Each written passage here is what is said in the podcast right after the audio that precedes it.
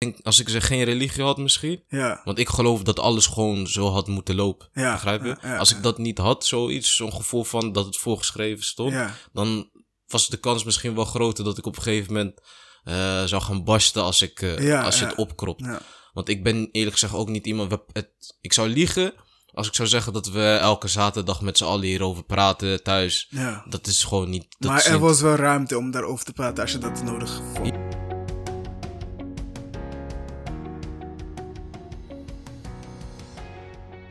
Goedenavond of eh, middag, eh, dames en heren. Welkom bij een nieuwe aflevering van eh, Diepgaan. Met de enige echte nog steeds als de host. Ehm, vandaag heb ik een hele, hele bijzondere gast. Ik heb al maanden achter deze man aangezeten om hem zover te krijgen. En vandaag is het eindelijk zover. Mr. Ibrahim, of terwijl bekend als Alain. Hoe is het, man? Alhamdulillah, Alhamdulillah, meer kan ik niet zeggen. Ja. Thanks for having me. Zoals je zei, eh, het heeft lang moeten duren, maar... het eh, heeft even geduurd. hè? Even wat dichterbij. eh, ja, klopt. Zo de aanhouden wint, zeggen ze. Ja, precies. Laten we het beste van Ja, bro. We zijn allemaal af en toe een beetje te druk. Dus. Ja. Maar goed, ik krijg altijd van mijn gasten, van, eh, van mijn eh, luisteraars. eh, ja, maar je moet je, je gasten even voorstellen dat we even achtergrond hebben. Dus eh, vertel man, wie ben jij en eh, waar kom je vandaan en dat soort dingen. Ja, ik ben, zoals hij het al aangaf, Ibrahim. Ja, Eh, velen zullen mij kennen als Alain. ja, Dat is mijn eh, geboortenaam. Eh, De naam zegt dat ik ben bekeerd tot de islam. ja. Daar gaan we zo meteen ook ja, over hebben. En eh, ja. ik ben, voor de rest ben ik 20 jaar. Ja, Eh, ik ben een rechtenstudent.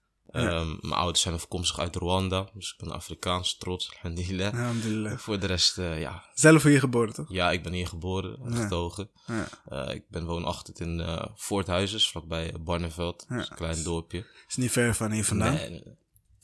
Dus, Ja, man. Dus dat, is, het, dat is hem, dames en heren. Dus bij deze, jullie weten wie het is. Vertel, man. Hoe is het leven, man? Hoe gaat het? Ja, het is een beetje lastige tijden. hè. Ja. beetje, Iedereen is een beetje roeien met de riemen die ze hebben. Dus Ja. ik, ook, ik ook niet anders, maar Ja. eh, we moeten het beste van maken. Maar het gaat je wel goed. Je bent nu een beetje aan de ritme gewend, toch? Ja, Dus, eh, zeker. Kijk, die eerste lockdown, dat was denk ik wel echt zo'n momentje voor iedereen waarbij iedereen dacht van wauw, waar zijn Ja. we, wat, wat is dit, zeg maar. Ja. Maar nu ben ik wel een beetje ja, eraan gewend. Je moet ook maar, je, kijk, je kan elke dag gaan piekeren. Maar aan het einde van de dag moet je toch het beste van maken. Zo kijk ja, ik ja. Je hebt ook mensen die nu een beetje te lang vinden duren. Die dus eh, denken van, eh, laten we gewoon weer een beetje normaal gaan leven. Ja. Toch? Als in de regels verbreken. Ja, ook. Ja, bedoel, eh, ja, kijk. Er zijn volgens mij afgelopen weekend zijn een paar eh, feesten, illegale feesten. Ja. Mensen zijn beginnen het een beetje zat te. Ja, dat kan ik enigszins wel begrijpen. Maar ik denk wel dat je ook wel een beetje je verantwoordelijkheid moet eh, Ja. behouden. Ja. Het is nu wel echt hele jaar. De hele 2020 eh, Ja. was eh, maandag, februari, maart en corona. 2020 heeft ons echt geflasht. heeft ons geflasht. ja. Iedereen zei, Ja, dit wordt mijn jaar, dit wordt mijn jaar. Vol- volgend jaar blijven we gewoon nog steeds net zo oud als dit jaar. Hè? Want je hebt echt eh, dit jaar bijna niks gedaan. dit, dit jaar is, die moeten we schrappen eigenlijk. Deze telt niet. deze telt niet, deze telt niet. Ja, ja, ja. Maar leuk man, leuk dat je tijd voor mij hebt gemaakt. Ik had Zeker, sowieso heel veel dingen waar ik met jou over wil hebben. Want je bent eh, sowieso een hele, hele slimme jongen. en je, ga, je gaat graag discussies aan. In ieder geval, je hebt je meningen wel over bepaalde dingen al eh, eh, goed klaar hebben. Eh, ik wil sowieso eerst, laten we gelijk eigenlijk meteen mee beginnen. Meestal begin ik bij de, eh, eh, in ieder geval dingen waar ik over heb, een beetje aan het einde van de interview. Mhm. Maar laten we dit keer even anders doen. hè. Even gewoon gelijk beginnen. Eh, jij bent sinds kort bekeerd eh, Ja, eh, naar de islam. Ja, alhamdulillah, ongeveer anderhalf jaar geleden nu. Ja, Zo. mashallah.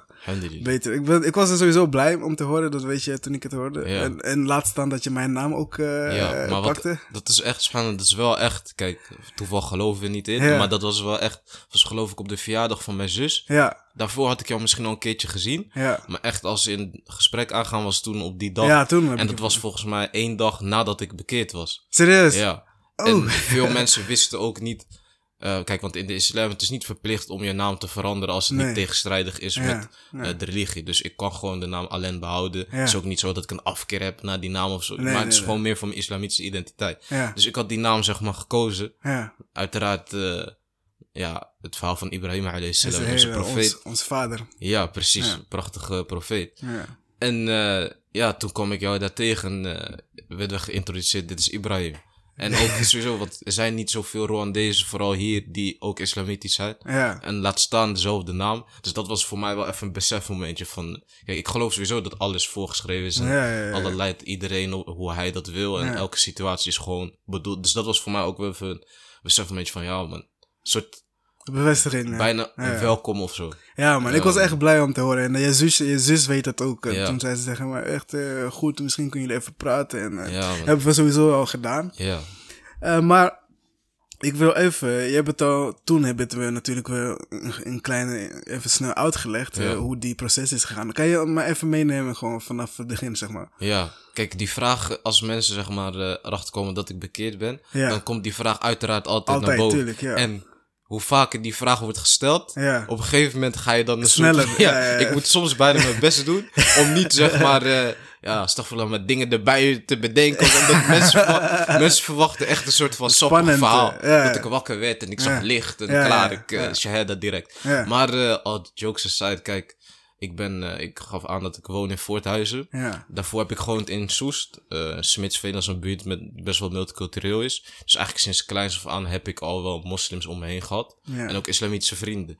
Dus ik denk dat... ehm, het, is is nooit echt apart voor mij geweest of vreemd voor mij geweest. In die zin dat het altijd gewoon om me heen is geweest. Ja. Vrienden die Je, naar de kende, je was bekend met de islam. Exact, vrienden die naar de Koran Ja, school gingen.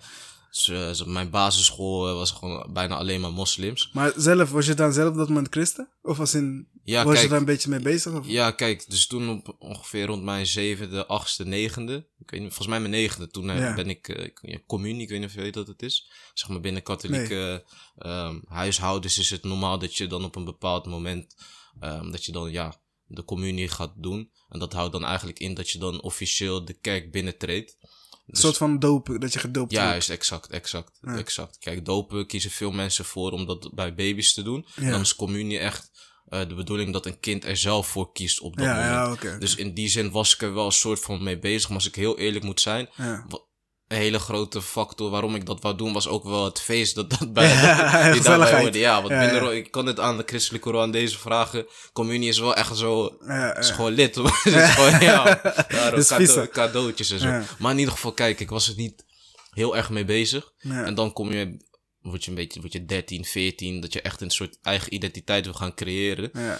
En dat is wel eigenlijk een heel mooi verhaal, want ik heb een neef van mij, Amatus Emir. Ja. Dus eh, echt mijn bloedbroeder, lotgenoot. Ja. Eh, wij zijn toen eigenlijk gewoon... Is een eh, Marokkaanse jongen. Nee, is mijn neef, mijn neef. Oh, je neef. Ja, ja, ja. ja maar eh, ja, ik ben geen Marokkaan. nee, nee, het hoort...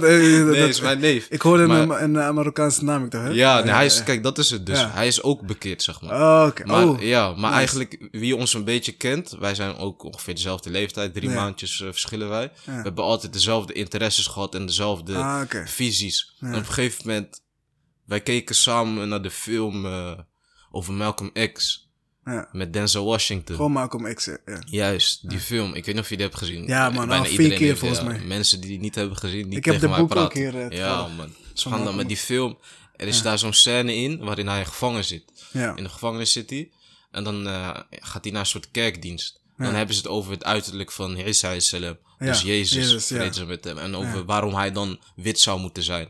En waarom hij, waarom mensen een witte God aanbidden. Omdat christelijk, christen geloven over het algemeen dat hij God is, toch? Ja. En in dat, ja, eigenlijk in die fase van mijn leven, waren dat ook wel vragen waarmee ik steeds meer begon te zitten, zeg maar. Ja, Als ik dan in de kerk zat en ik keek naar die muurschilderingen, zag ik witte engelen. Blauwe ogen, Ja, blond haar. alles was, was wit, zeg maar. En er werd ons geleerd dat, we- indirect werd ons dus geleerd dat wit heilig is. En dat, kijk, als iemand eh, die niet op jou lijkt, ehm, ja, eigenlijk zichzelf proclameert tot heilig zijn. Ja.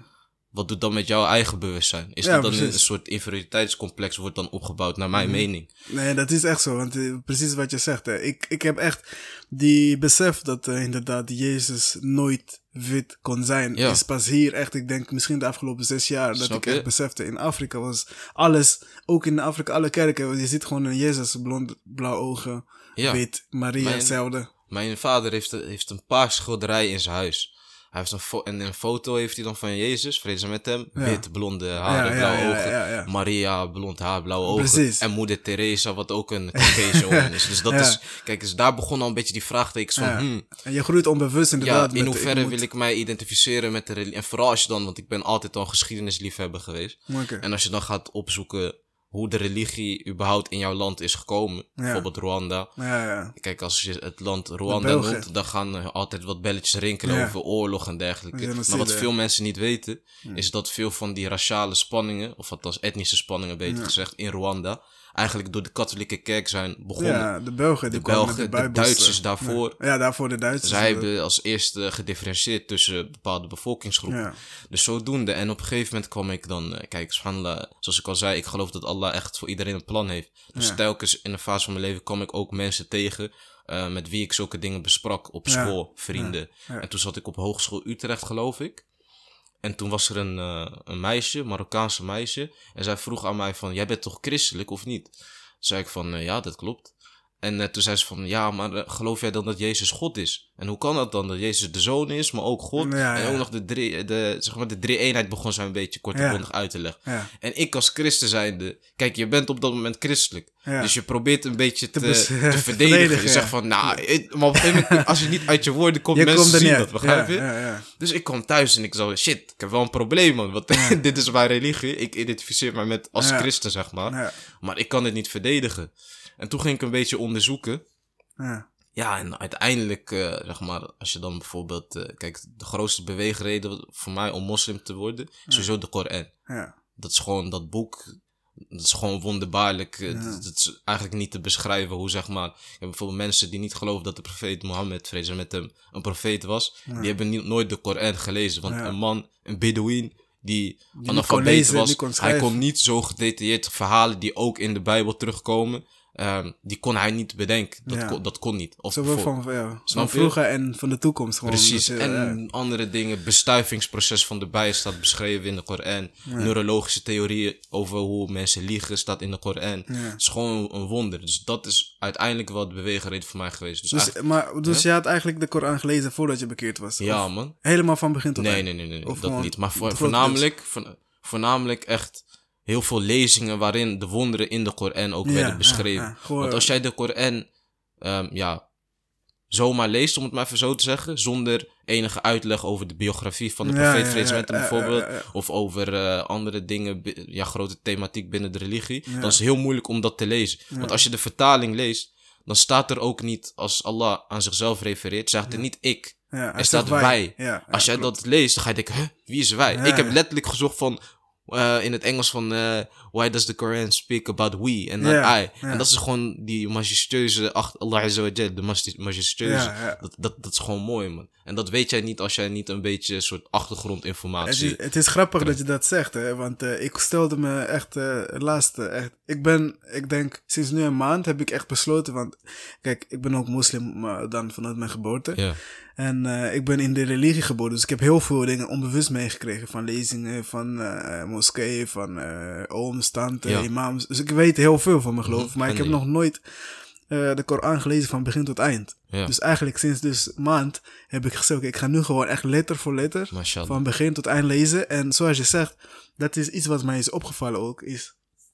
eh eh Allah spreekt inderdaad naar zichzelf toe in vorm van we. Ja. Snap je? En dan, ik, eerst dacht ik, er was even een momentje waarvan ik denk van, dat, dat de trilogie, die trilogy, Ik, ik, ik dacht van, ik dacht, ik dacht dat wat met wij, dat werd gerefereerd aan engelen. Zeg maar, wij, wij als Allah en de engel. Ja. Maar toen ik dat ging opzoeken, wat grappig is, historisch gezien hebben vorsten zichzelf ook altijd aangeduid als wij. Om Ja. puur die superieure rol ten opzichte van de normale mens, zeg maar, aan te geven. En wie is de superieur? Een vorst of degene die de vorst heeft gecreëerd? Ja. Daarom, dat is pracht, ik vind dat echt prachtig, Ja, man. Maar de bes ik besefte, dus het was echt een paar weken geleden dat ik dat dacht van, oh ja. En toen, laat, toen een paar, een paar verses in, toen snapte ik het. Ja. En ook dat de profeet ook niet per se, zeg maar, eh, bij naam ges- genoemd Ja. werd, maar als in, eh, oh, messenger, weet je. Precies, ja. En daarom, ja, om, En heel veel, heel veel dingen vallen samen in het boeken. Gewoon echt, precies. hoeveel meer je, hoe meer je weet, zeg maar, als je dit boek van begin tot eind gaat lezen, gaan heel veel dingen Ja. samenvallen. Allah zegt ook in de Koran van dat hij het voor ons gemakkelijk heeft gemaakt om te memoriseren. Ja. Ik als Rwandees zij- zijnde heb in principe niet zoveel te maken met de Arabische taal. Nee. Los van eh, Arabisch sprekende vrienden. Ja. Maar spannend, als jij de Koran gaat lezen met de, zeg maar, met de Arabische ja, reciteur, zeg maar, en dan de vertaling erbij, hoe makkelijk je woordjes oppikt. blijven hangen, ja. omdat het ook heel veel staat herhaald. Bepaalde thematiek komen telkens terug, telkens terug, telkens terug. Het is ook de enige boek in de wereld die eh, van begin tot eind door, volgens mij is van 100 miljoen Precies. plus mensen Precies, gemomentiseerd je is. kan, je kan een moslim uit Indonesië en een moslim uit Zanzibar naast elkaar zetten. Ja. En zeggen van reciteer van A tot Z. Ja. En ze reciteren precies, Precies hetzelfde. hetzelfde, ja. Welke religie heeft het? Dat is ook goed dat je dat aankaart. Want Ja. de Koran zelf, ehm, wat ten opzichte van de Bijbel, het is ook altijd gewoon zuiver gebleven. Ja. Je hebt geen, dat is ook het mooie van, als wij de Koran lezen in het Nederlands, is dat niet de Koran-Koran. Dat is een vertaling Hm. Ja. van de interpretatie van de Koran. Ja, en en, waarom? het staat duidelijk ook Ja. gezegd van, als je, je beseft, zeg maar, je moet tijdens het lezen moet je beseffen dat je de vertaling Ja, er is maar één Koran. Het is niet de vertaling, dat is niet de Koran. De enige Koran is de Mus'haf, dus de Arabische versie. Ja. En in de, ja, Christ, als christen zijnde hadden wij dat niet, zeg maar. Ja. Dus dan is het heel makkelijk om... Want uiteindelijk baseer je dan jouw religie als het ware op basis van iets wat eh, iemand heeft gezegd naar aanleiding van zijn eigen interpretatie. Ja. En daarom heb je ook zoveel tegenstrijdigheden eh, in de Bijbels en daarom heb je ook zoveel verschillende fracties binnen het christendom. ja. Ja, man. Maar dus je was dus even de Koran aan het onderzoeken. Ja, even wil ik het. Het is niet dat ik toen een of andere grote Koran geleerde of zo. Nee, nee, ik, je, ik heb gewoon veel. Het was voornamelijk Ja, gewoon filmpjes. Ja, ja. Want kijk, ik ben wel altijd zo geweest als een. Toen ik dus christen was en moslims vertelden mij over de schoonheid van islam. Ja. Dan word je benieuwd, Ja. nieuwsgierig. Maar ik ben altijd wel zo iemand geweest. Ik, ik haat blind followen, zeg maar. Ja. Als iemand iets tegen mij zegt, neem ik het niet aan. Zo ben ik ook. niet. je moet, zelf het, je moet het zelf onderzoeken. Ja. En wat, het mooie, wat ik het mooie vond van moslims, Ja. is dat zij niet zeiden van ja, je moet het geloven en dit is de waarheid. Zij zeiden letterlijk van, als je het niet gelooft, zoek zelf maar op. Ga zelf maar kijken wat erin staat.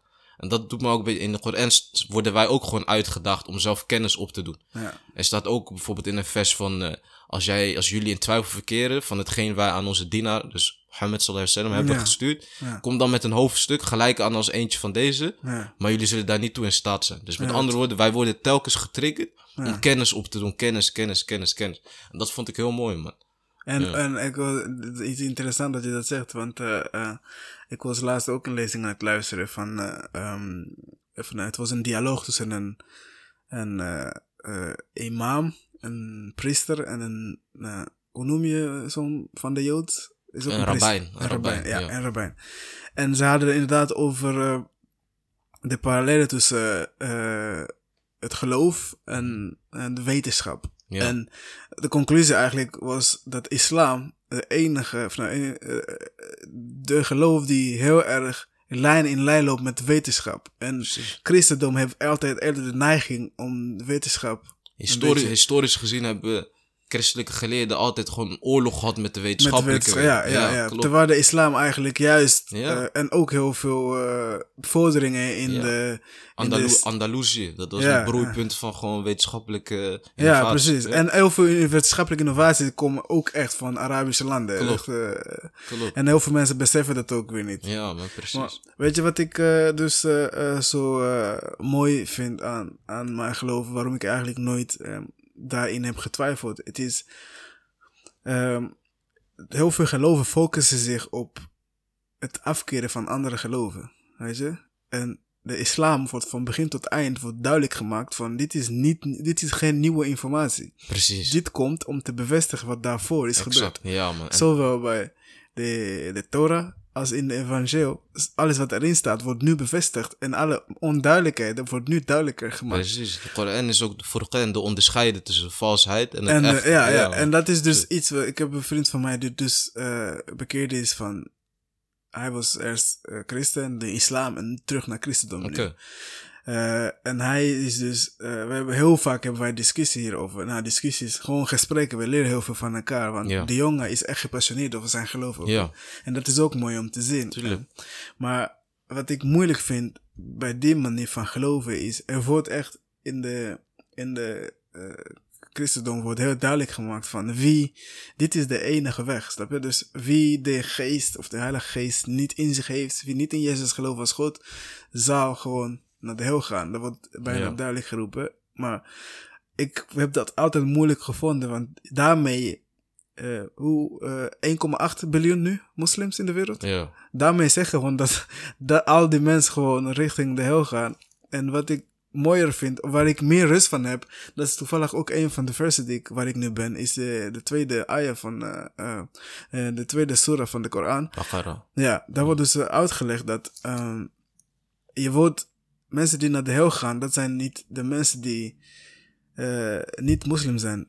Als je mensen die specifiek wordt beschreven die naar de hel gaan in de Koran, dat zijn mensen die, als jij de islam hebt ontvangen als de ware boodschap, je weet dat dat de waarheid is en je gaat daar bewust in, tegenin, dan is de hel waarschijnlijk een plek voor jou. Maar heb je dat niet op die manier ontvangen, is de boodschap, heeft je het nooit op die manier bereikt en je gaat dood voordat je dat bereikt, dan zul jij beoordeeld worden op andere dingen. Ja, veel mensen inderdaad, die stellen, atheïsten bijvoorbeeld, stellen dan de vraag, stel je voor in een hypothetische situatie dat iemand in het Amazonegebied nooit van de islam heeft gehoord, gaat hij dan naar de hel? Ja. vanuit islamitisch oogpunt is dat inderdaad niet zo. Nee. Ja, kijk, en dan wat christenen bijvoorbeeld hebben met, uh, dat zij uh, van orde zijn, ja, dat niet-christenen naar de hel gaan, zeg maar. Dus mensen die niet in Jezus geloven. Kijk, uiteindelijk, ik ben ook gewoon trots op mijn religie. Ja. En ik ben ook niet gewoon islamitisch gezien iemand die christelijk is en die dus in aanmerking is gekomen met de islam, maar het ja. afkeurt.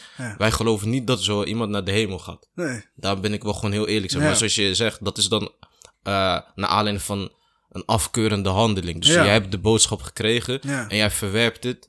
Um, terwijl jij wel bent bemaand eigenlijk met de, de snap je? Ja. Dus dat is wel een groot verschil inderdaad. Ja. Maar hoe ik het dan wel zie is, uh, ik, uh, kijk, kijk, iedereen die tegen een religie is of in welke vorm dan ook, weet je, ik keur dat sowieso nooit goed. Maar als je, hoe ik zie, als ik een christen zie die echt net zo gepassioneerd is over zijn drie eenheden, ja. Uh, als, een, als ik dat ben voor mij enige God, die, en dan zie ik dat als iemand die dus de boodschap van de islam nooit heeft ontvangen. Hoe die hoort, zeg maar. Snap je? En zo iemand kan ik, vind ik moeilijk om. Ja, kijk, sowieso. Plaatsen, snap je? Zeggen Allah, alleen Allah weet het best. Ja, kijk, precies. Ik, dus... ben, ik vind het ook best wel. Uh, soort tenen krommend als mensen op straat gaan zeggen van jij gaat naar de hel, jij gaat Kijk, naar de hel. precies, daar, daar heb ik echt dat, moeite dat, mee. Dat, dat, dat is niet de bedoeling. Het is niet maar. aan jou. En sowieso da'wah, dus het uitnodigen naar de islam, Ja. doe je ook niet op zo'n manier. Nee. Als je gaat kijken naar hoe de profeet Mohammed vrede zij met hem omging met het uitnodigen van mensen tot de religie, Ja. was het echt gewoon, hij nam ze allereerst gewoon apart. Ja. En hij spitste eigenlijk het gesprek toe op de persoon. Ja. Dus hij wist bijvoorbeeld als het een Bedouin was, sprak hij op die manier met hem. Ja. Als iemand met iets meer aanzien was, sprak hij op die manier met hem. Ja. Hij wist, alaihi wasallam, hij wist precies hoe hij met mensen moest omgaan. Maar wij tegenwoordig, eh, Wij we, weten hebben, we, hebben, we hebben één lezing gekeken, we denken, shit, jij gaat naar de nee, jij, jij, jij. Dus zo werkt dat Ja, niet, maar niet alleen vanuit de islam, ook de christendom. En alle- iedereen denkt echt dat ze de enige weg hebben. En, ja. Maar, eh, eh, dus wanneer is het geklikt, zeg maar? Geklikt? Ja, als in wanneer wist je, oké, dit is het. Kijk, wat, dat is om even in te haken wat je net aangaf. Zeg Ja. maar, ehm, de overeenkomsten tussen de islam en het christendom. Omdat ik dus een christelijke achtergrond heb. Ja. En ook op een christelijke basisschool en middelbare school heb gezeten. Veel verhalen komen gewoon overeen, zeg maar. Ja, ja, ja. Dus dat, dat maakt de stap sowieso wat makkelijker. Want zoals jij zegt, eh, de profeet Mohammed vrezen met hem heeft nooit gepretendeerd eh, dat hij met een nieuwe religie is gekomen, zeg Nee. maar. Het is een bevestiging van Ja. hetgeen daarvoor is gekomen. Ja. Dus dan als je bijvoorbeeld bepaalde verhalen, om maar een voorbeeld te noemen, eh, over uh, Noah Noah, Ja. de ark van Noah. ja, dat. In de Bijbel staat bijvoorbeeld dat hij eh, dronken is gevoerd en naar aanleiding daarvan zijn kleinkinderen heeft vervloekt.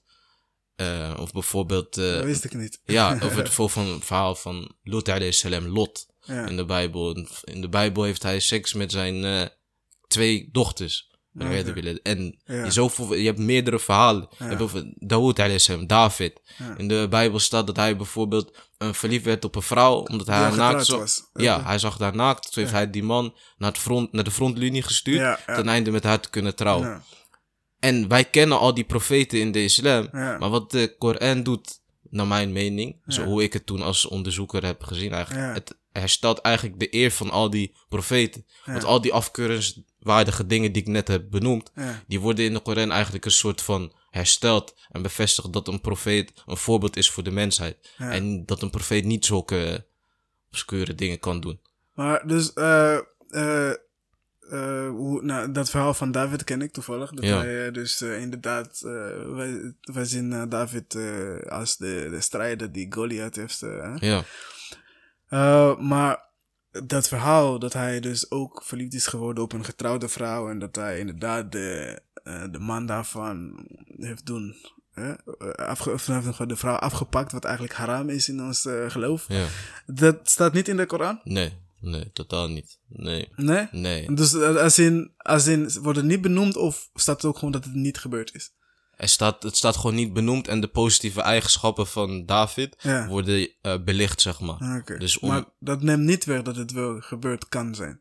Want, oh, Kijk, sowieso vanuit islamitisch perspectief geloven wij niet dat een profeet eh dusdanig grote zonde kan begaan, waarbij de boodschap als het ware kan worden beïnvloed. Als jij als een, een profeet is iemand die naar de mensheid wordt gestuurd om zeg maar ja, het volk te leiden. ja, Stel je voor, er komt nu iemand naar ons toe die allemaal gekke dingen op zijn kerfstok heeft. Ja. Volgen wij hem dan als persoon? nee. Nee. Maar dat is dan, eh, je hebt dan ook, eh, ik stel dit gewoon uit nieuwsgierigheid. hè. Je hebt ook, eh, onze profeet was ook niet, sallam, vrede zijn met hem. Hij was ook niet, eh, ehm, eh, in ieder geval, zijn, want hij was op zijn 40ste, 43ste. Mhm. Weet je pas eh, de, de openbaring Ja, kwam. zoiets, ja.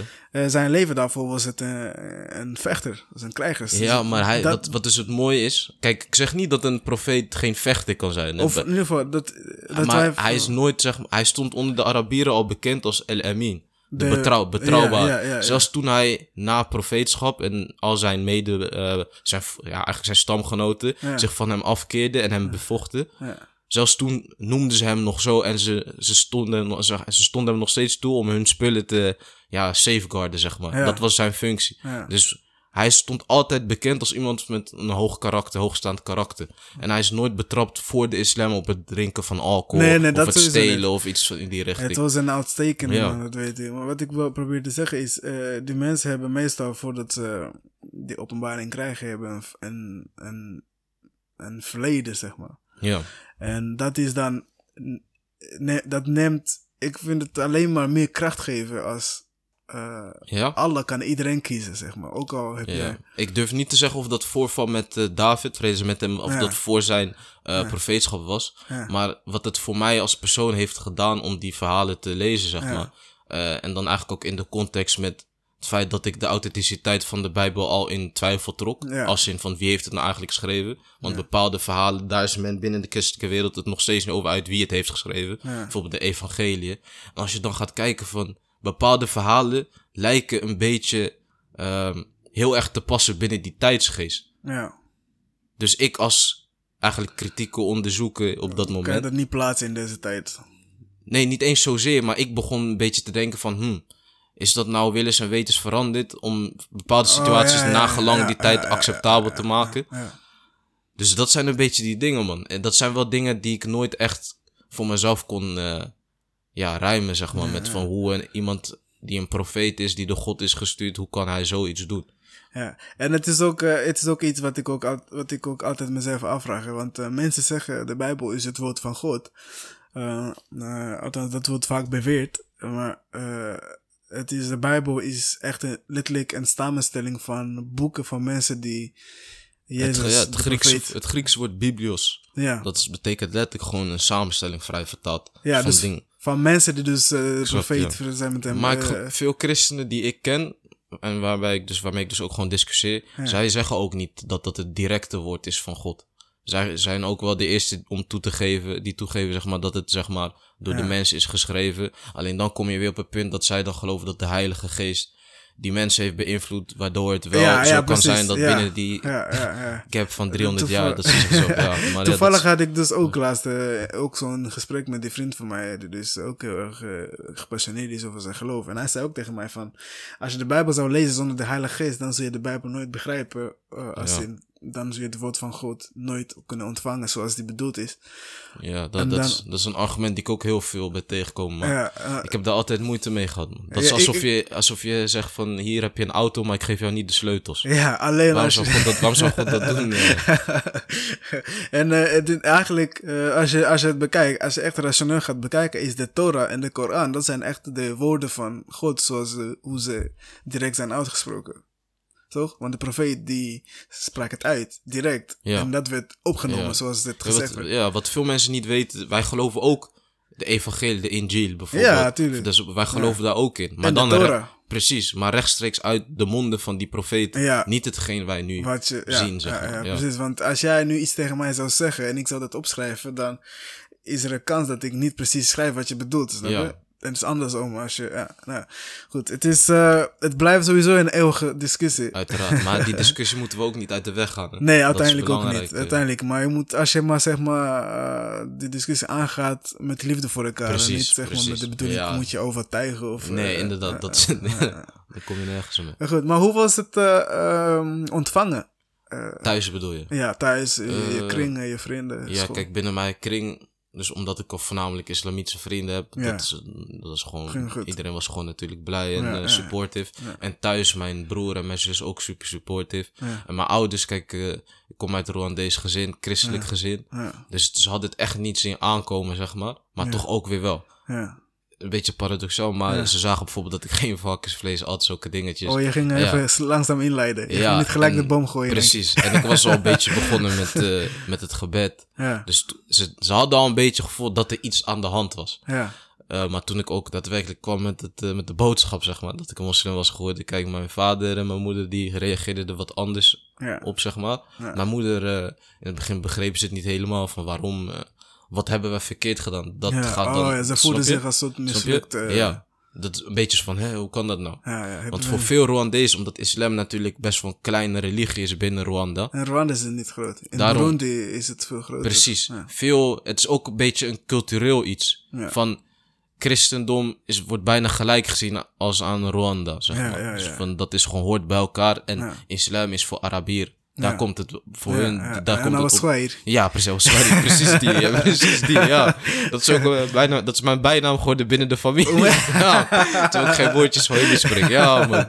Ja, man. Maar ja, en mijn vader is echt een rationele man. Allah me berk. Hij, als ik zeg maar, ik benaderde hem daarmee. En zijn eerste reactie was wel gewoon van, waarom? Van waarom? Dus toen heb ik echt gewoon bijna drie uur lang met hem gediscussieerd. Ja. Op een gegeven moment, hij, hij zou niet zo snel zeggen van je hebt gelijk. Ja. Maar aan alles zie je wel dat hij het soort van stiekem een beetje kan respecteren. Ja, en dat uit zich ook in het feit dat beide mijn ouders gewoon halal vlees voor mij kopen. en voor mij maken. Dus het, kijk, kan het, bijna, ja, ik kan het bijna een soort gedogenbeleid uh, noemen. maar ja, het is meer gewoon van ik moest onderbouwen waarom ik die keuze heb gemaakt. Niet dat ik het voor vrienden heb gedaan, voor, voor een vrouw. maar echt gewoon vanuit mijn eigen overtuiging. Ik denk dat je daarmee zo heel veel respect hebt gewonnen. Want ze zien inderdaad dat je echt, uh, in ieder geval, je ouders kennen jou. Ze weten dat je een slimme jongen bent. En ze weten dat je niet zomaar een keuze maakt. Ja. En als je dat inderdaad zo goed kan articuleren en de redenering daarachter kan uh, uitleggen, uh, is het alleen maar sterker. Eerste reactie was natuurlijk van, misschien is het een fase. Ja, maar hij ja, groeit. Ja. Hij is een beetje aan het... Want hoe lang is het geleden nu? Bijna is iets van anderhalf jaar geleden, iets langer. Dat je moslim bent? Ja, bijna twee jaar.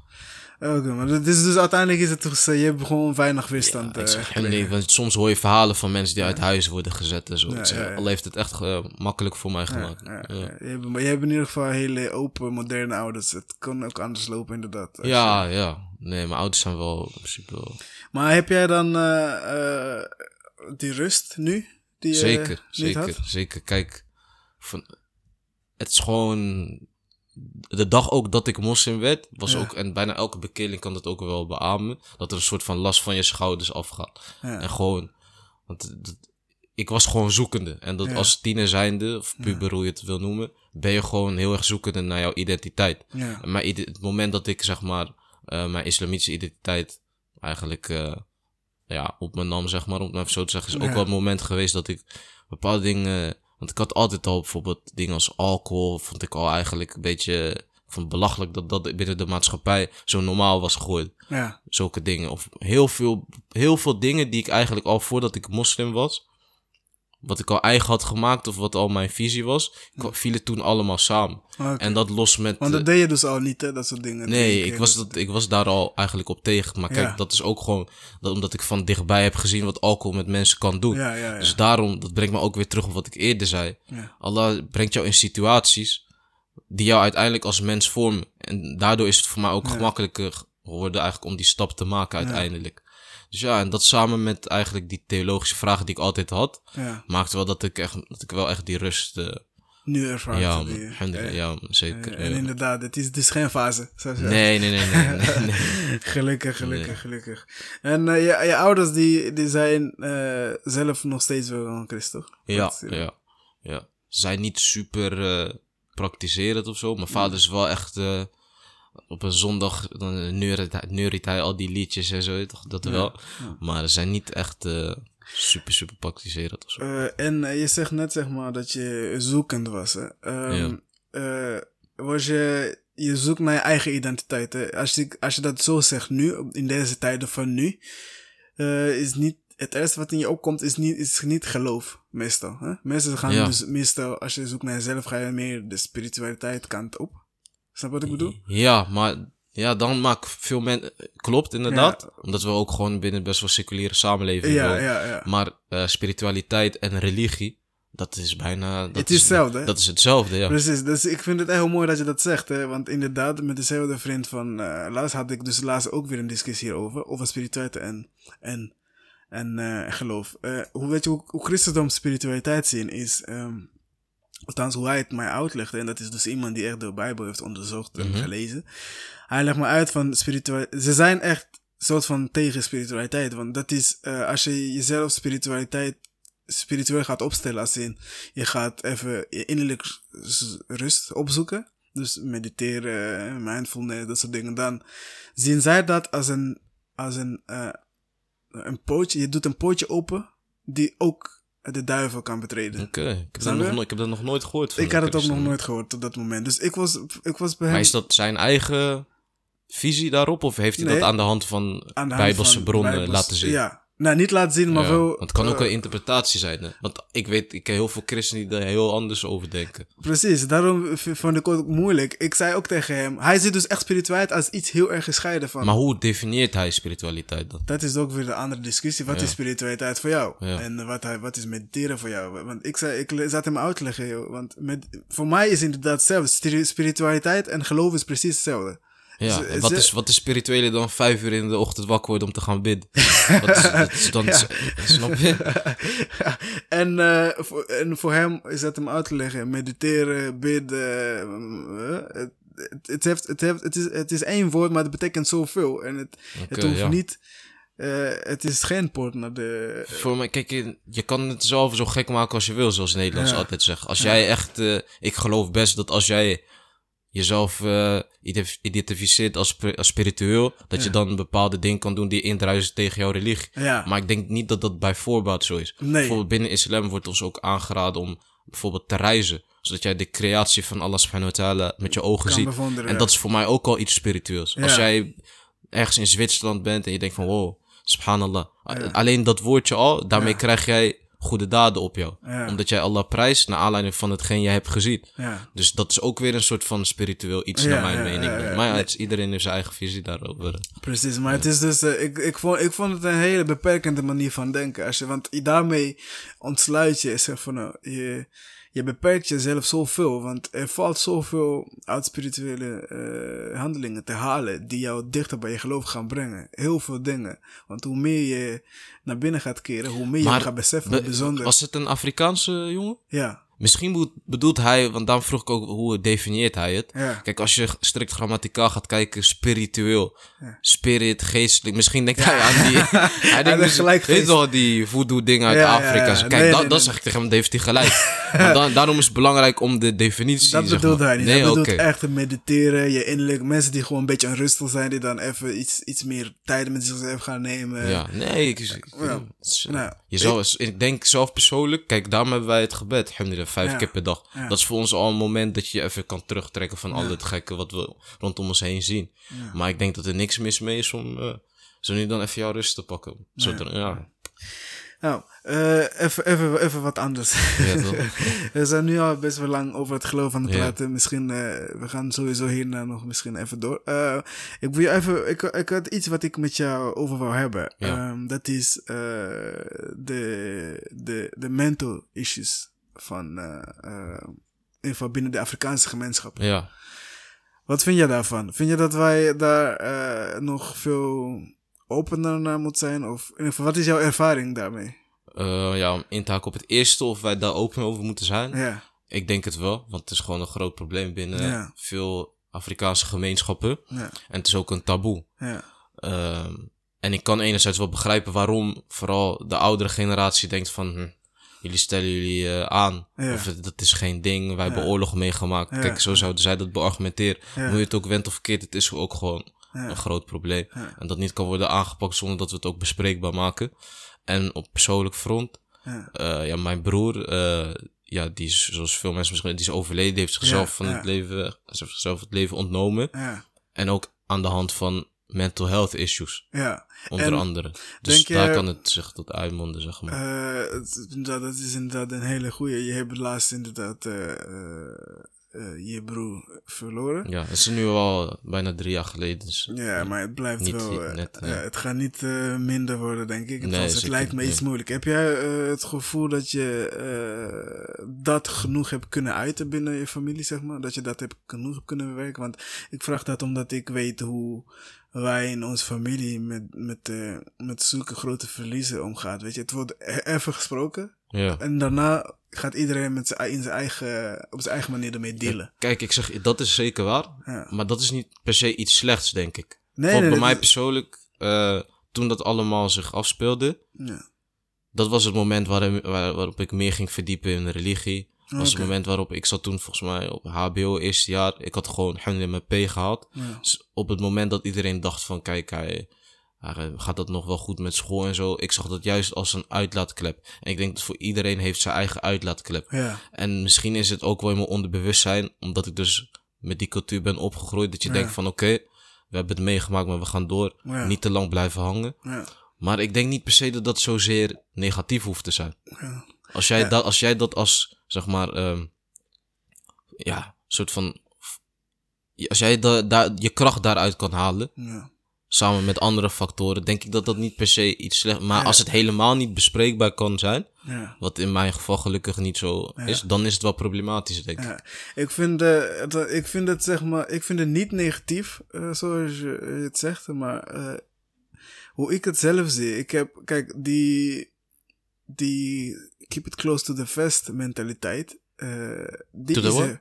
Keep it close to the vest, als in hou het zo dichtbij mogelijk. Binnen Eh, de familie. Ja, bedoel of bij jezelf gewoon. Ja, oké, ja. Eh, ik vind dat geen slechte mentaliteit, want het maakt je echt sterk, weet Ja. je. Maar het kropt wel zoveel dingen op in jou. Ja, waar dat is, echt, dus dat is echt zo. ja, waar je dus op een gegeven moment gaat het zich uiten op manieren waar je niet, niet meer kan verklaren. Kijk, ja, je hebt, je hebt gelijk. Kijk, als ik denk, als ik zeg geen religie had misschien, Ja, Want ik geloof dat alles gewoon zo had moeten lopen. Ja, begrijp je? ja, Als ik dat niet had, zoiets, zo'n gevoel van dat het voorgeschreven stond, ja, dan was de kans misschien wel groter dat ik op een gegeven moment eh, zou gaan barsten als, ik, Ja, als je het opkropt. ja, Want ik ben eerlijk gezegd ook niet iemand. Het, ik zou liegen als ik zou zeggen dat we elke zaterdag met z'n allen hierover praten thuis. ja. Dat is gewoon niet. Dat Maar er niet- was wel ruimte om daarover te praten als je dat nodig vond. Ja, ja, jawel. Maar ik ben zelf niet zo'n persoon. eh, want op zo'n moment wil je ook gewoon sterk blijven voor je ouders. je? ja, ja. Je wil Maar- niet. eh, Dat gevoel heeft dus iedereen in het gezin, hè. ja, En je ouders zijn ook voor jou. En Klopt. dat zorgt dan weer voor... klopt. Klopt. En kijk, bijvoorbeeld met mijn broer en met mijn zus heb ik er gewoon openhartig over gesproken. Ja, Met mijn moeder. eh, het is een beetje moeilijk. Ik wil niet die persoon zijn die daar, die, dat is gewoon het is haar zoon, snap je? Het Ja, is niet eh, ja, iets ja, natuurlijk. Het is niet niks. Ja, ja. Maar ik, ik denk niet, het is geen taboe binnen ons huishouden of zo. Maar wij, wat mijn moeder is, diegene, is een hele sterke vrouw. Zij is juist altijd die persoon, tot op de dag van vandaag, die zegt van oké, wij gaan nu gewoon knallen voor hem, zeg maar. En ik denk dat wij allemaal binnen ons huishouden wel een beetje die houding hebben overgenomen. Ja. Van ik, met mijn school bijvoorbeeld, ik doe het ook gewoon voor hem, zijn Ja, dromen waarmaken. Het is een soort van motivatie. Precies, geworden. motivatie. Dat is het echt voor mij geworden. En als je dan dat hebt als drijfveer en dat je toch wel een beetje over kan praten, denk ik dat het alleen maar de formule is voor succes. Man. Bro, ik, ik ben het precies met je eens. Dus zoals je het zegt, het, het is, eh, op moment- je moet het eerst, moet je het inderdaad eh, binnen, in jezelf en in jouw eh, close eh, kring, Ja, moet je het een plek geven. En daarna kan je het gebruiken voor, ja, voor het beste. ja. Maar ik spreek totaal niet tegen wat je zegt. hè. Hoe je het ook went of Ja. binnen onze gemeenschap. Het is wel een beetje, los van het taboe, wordt- is het ook een beetje eh, als een schaamte wordt het gezien. Ja, en ja, schaamte, ja, ik, ik, ik, hoe ik het heb meegemaakt is, je hebt, ik heb wel eens ook wel dat je mensen verliest, weet je. Je zit daar, je komt, je hoort, oh, die en die is overleden. En gelukkig, alhamdulillah, heb ik nog niemand die super, super dichtbij is verloren hier in, in Europa. Meestal Ja, vanuit, eh, vanuit Afrika. En dan hoor je dat even en het registreert bijna niet, weet je. je eh, ze zegt dat en daarna even een minuut of twee stil. En dan wordt die dag wordt een beetje somber, maar de volgende dag is het weer, snap je? ja Dus maar dat dan vraag ik me af, maar dit was iemand die super close was met mijn vader of mijn moeder, maar ik heb haar niet zien huilen. of, ja, snap man, klopt, klopt. Maar dat, dan- dat is echt typisch, klopt. Ja, Ja, man. dan vind ik het ook, op een gegeven moment vind ik het een beetje moeilijk dan om het te plaatsen, weet je. Terwijl je eigenlijk best wel iemand hebt verloren. maar ik zeg eerlijk, ik heb daar ook wel een beetje mee gestruggeld, man. Ja, Ik ben ook niet iemand die dan. eh, maar dat is echt gewoon hoe je een beetje bent opgegroeid, denk ik. ja dat Van, is, eh, voor hun is Je het... hoeft ook niet eh, de vuile was buiten te hangen, zoals Nederland zeggen. Je hoeft niet iedereen jouw zwaktepunten te laten zien. Ja, ja. Zoals binnen Rwandese huishoudens is het ook heel normaal, los van familie. Gewoon per gezin. Binnen een familie. Ja. Ik weet zeker, in mijn familie weet ik bepaalde dingen niet weet- van, een, van een ander huishouden. Ja, Maar ik weet niet waar dat vandaan komt. ja. Maar het is gewoon een soort van eh, ja, verdedigingsmechanisme of zo. Ja, dat dat, je niet zwak wil worden ja. ik weet het ook, zeg maar, hoe, hoe, hoe ik ben opgegroeid ook. eh, ik ben heel vaak opgegroeid met mijn ooms, met mijn oma's en zo. Ja. En eh, eh, als je, bijvoorbeeld toen wij nog in Burundi waren, ik was nog heel jong. Mhm. daar ben, ik ben daar geboren. En daarna zijn we naar Rwanda gegaan. Eh, je, het wordt duidelijk gemaakt, kijk, dit huis is een safe place. Ja, safe man, ja. Dus als jij shit meemaakt buiten, ja. bespreek dat met de mensen daar buiten. Snap je? Ja. Breng het niet naar huis. Ja, man. En dat is, als- is contradictoire een beetje eigenlijk. hè? Ja, snap je? Eigenlijk zou het thuis jou, als het een safe haven echt is, Ja. dan zou dat juist die plek moeten zijn waar je die dingen bespreekbaar Ja, kunt maken. maar dan kom ik dus op mijn punt. Het, is, het probleem is, als wij die mentaliteit, die mentaliteit die ik net zeg, die werkt daar. Ja. stel je voor dat het wel gebeurde, dan zou je dus elke dag zou ellende zijn buiten en binnen. Ja, man. Snap je? Klopt. Maar hier zijn we zowel safe buiten als binnen. Dus hier zou het, daar- dit zijn de juiste plek waar je dat soort dingen juist Ja, kunnen Ja, bespreken man. binnen je huis. klopt. Maar dat zijn ook dingen, kijk nogmaals, onze ouders en ooms, Dus, ze ja. komen uit een hele andere... om- Zij hebben oorlog meegemaakt, snap je? Zij hebben echt met echt... eh, Hele andere veel- bagages. Snap je? Ja, En wij zijn daar een beetje product van. ja. Dus ik denk dat dat sowieso nog eventjes de tijd nodig heeft om te Ja. internaliseren. En ik denk, ja, man. Het zijn dingen die wij, zeg maar, onze generatie inderdaad moet observeren en Precies. daarna hopelijk anders doen. Precies, ja. En, en het nogmaals, zoals jij het zelf zegt, het maakt het niet slecht. Nee. Het is niet dat wij het, wat eh, onze ouders doen slecht is. Ten eerste, zij doen wat ze, eh, wat ze weten, zeg maar. Dat Ja. is eh, wat zij het beste vinden. En het heeft gewerkt, want we zijn er nog en we zijn gelukkig Ja, gezond. alhamdulillah, ja. Dus wat dat betreft doen wij hun geen tekorten. En dat neemt ook niet weg, want eerlijk gezegd, wij, ik denk jouw ouders zowel als mijn ouders, wij hebben echt hele, hele sterke ouders. Ja, Die mensen zeker. hebben echt shit meegemaakt. Ja, man. is Snap echt je? zo, man. En eh, je ziet het niet. eh, je, ziet de glimlach. Je ziet iemand. Maar ik, ik heb eh, bijvoorbeeld het laatste heb ik. zoals je het zegt, we, we zijn een hele gesloten cultuur. Weet je? Je, Ja. je, je, je durft bijna niet te praten met je vader alsof je met iemand praat, weet je. Ja. Je praat met een grootheid. Je durft Ja, bepaalde vragen niet te stellen. Zakelijk. Ja, precies. Het is zakelijk. Weet je. Ik weet wat je aan mij hebt, jij weet wat ik aan jou heb, prima. En maar ik probeer nu, ik ouder word, wil je gewoon iets meer weten van je ouders. Ja, je. Dan ja, probeer man. ik wat, wat, wat gesprekken aan te gaan en wat vragen man. te stellen. Ja. En dan kom je achter dingen van. Shit. Ik, wist, ik wist bijvoorbeeld niet dat mijn vader. eh, ehm, eh, toen, toen, toen de transitie van Burundi naar Rwanda zijn wij als eerste weggegaan. En wij kwamen echt midden na de oorlog. Echt gewoon na de genocide kwamen wij net in, in, eh, in, in Rwanda. Toen was alles nog huizen leeg. Volgens, volgens mij lagen nog wat lijken op straat. Dat soort shit. En mijn vader bleef achter. Hij zou daarna zelf komen op een motor. En dus hij zou... Maar hij- sorry dat ik je onderbreek. Maar jullie woonden is eerst in Burundi. wij zijn echt in Burundi geboren. Ik ben in Burundi geboren. Oh, oké. Ja. En jouw vader woonde al in Rwanda of zo? Nee, mijn vader woonde ook in Burundi. Oh, oké. Maar jullie zijn na de oorlog zijn jullie daar naartoe gegaan? Na de oorlog zijn we van Burundi naar Rwanda gegaan. Na de Ah, genocide. ja. Dus echt in die 400, in die 100 dagen. Ja. Dat de echt een heftige genocide was. Vlak daarna zijn we gekomen in een paar maanden. Wat was dan precies de beweegreden? Omdat de, de oorlog verplaatst van Rwanda naar Burundi. Ah, ja, ja, ja, man. Die mensen gingen vluchten. Gingen alle regio, ja, die gingen alle naaste eh, landen gingen ze aanvallen. En Burundi was al, altijd een. Het- Volgens mij is Burundi al 31 jaar in de oorlog. Ja, Het is eh, nooit echt een heftige oorlog, maar het is ook nooit rustig. jaren. 70 was daar ook. eh, Ja, ja, ja, ja. Het is, dus Burundi is altijd zo'n tussen. Maar goed, ik, bijvoorbeeld die, die hele. eh, ik, laatst hoorde ik pas hoe die hele transitie ging. Hè? Dat je komt, je komt in een land, je hebt geen geld, je hebt geen huis, je moet gewoon. Maar je bent een kleine baby, je hebt een hele gezin. En een gezin is niet alleen jouw moeder, jouw vrouw, je kinderen, maar je oma, je tante, je, eh, je Ja. opa. Allemaal neem je allemaal gewoon een vrachtwagen vol met mensen die tegelijkertijd opnieuw gaan beginnen. En dan, ik hoorde bijvoorbeeld dat mijn vader bijvoorbeeld eh, beroofd is eh, met een motor, met een wapen. Weet je, dat hij bijna zijn leven heeft verloren. En Ja. dat hij geluk had dat hij, eh, ehm, eh, hij had een tas met geld. Hij, had- zijn, hij zat te wachten op zijn laatste salaris, zodat hij gewoon kan emigreren in één keer. Heeft hij dat uitgepakt uit de automaat en mensen zaten op hem te wachten. En dat geld had hij dus een deel in de tas gezet en een ander deel in een andere zak. Maar die bevolking die hebben alleen de tas gepakt en de zak niet. Dus hij had een beetje geld over, weet je. Ja, Dus dat, ja, man, dan, dat- dat... soort dingen geeft jouw vader een hele andere dimensie, weet je. Je hebt gewoon shit meegemaakt. ja, zeker. Want, want eh, nogmaals, om even te plaatsen in deze perspectief. Nou, Als jij je vader je vraagt, "Yo, eh, hoe, hoe moet ik deze e-mail sturen? Ik druk, hij, hij gaat niet. Dan kan je denken, bro, heb je... eh?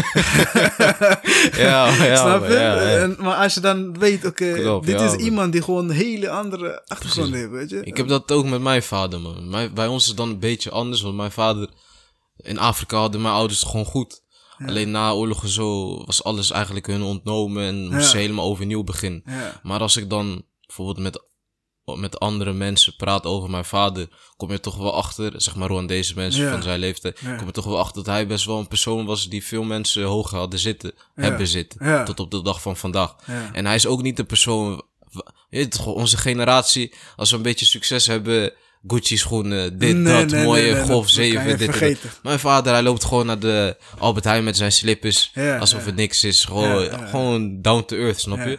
dat vind ik ook wel weer mooi aan die oude generatie. Dat ze gewoon altijd normaal zijn gebleven. En je wat, wat doet je vader hier in Nederland, als ik vragen mag? Nu gewoon, eh, hij doet veel vrijwilligerswerk.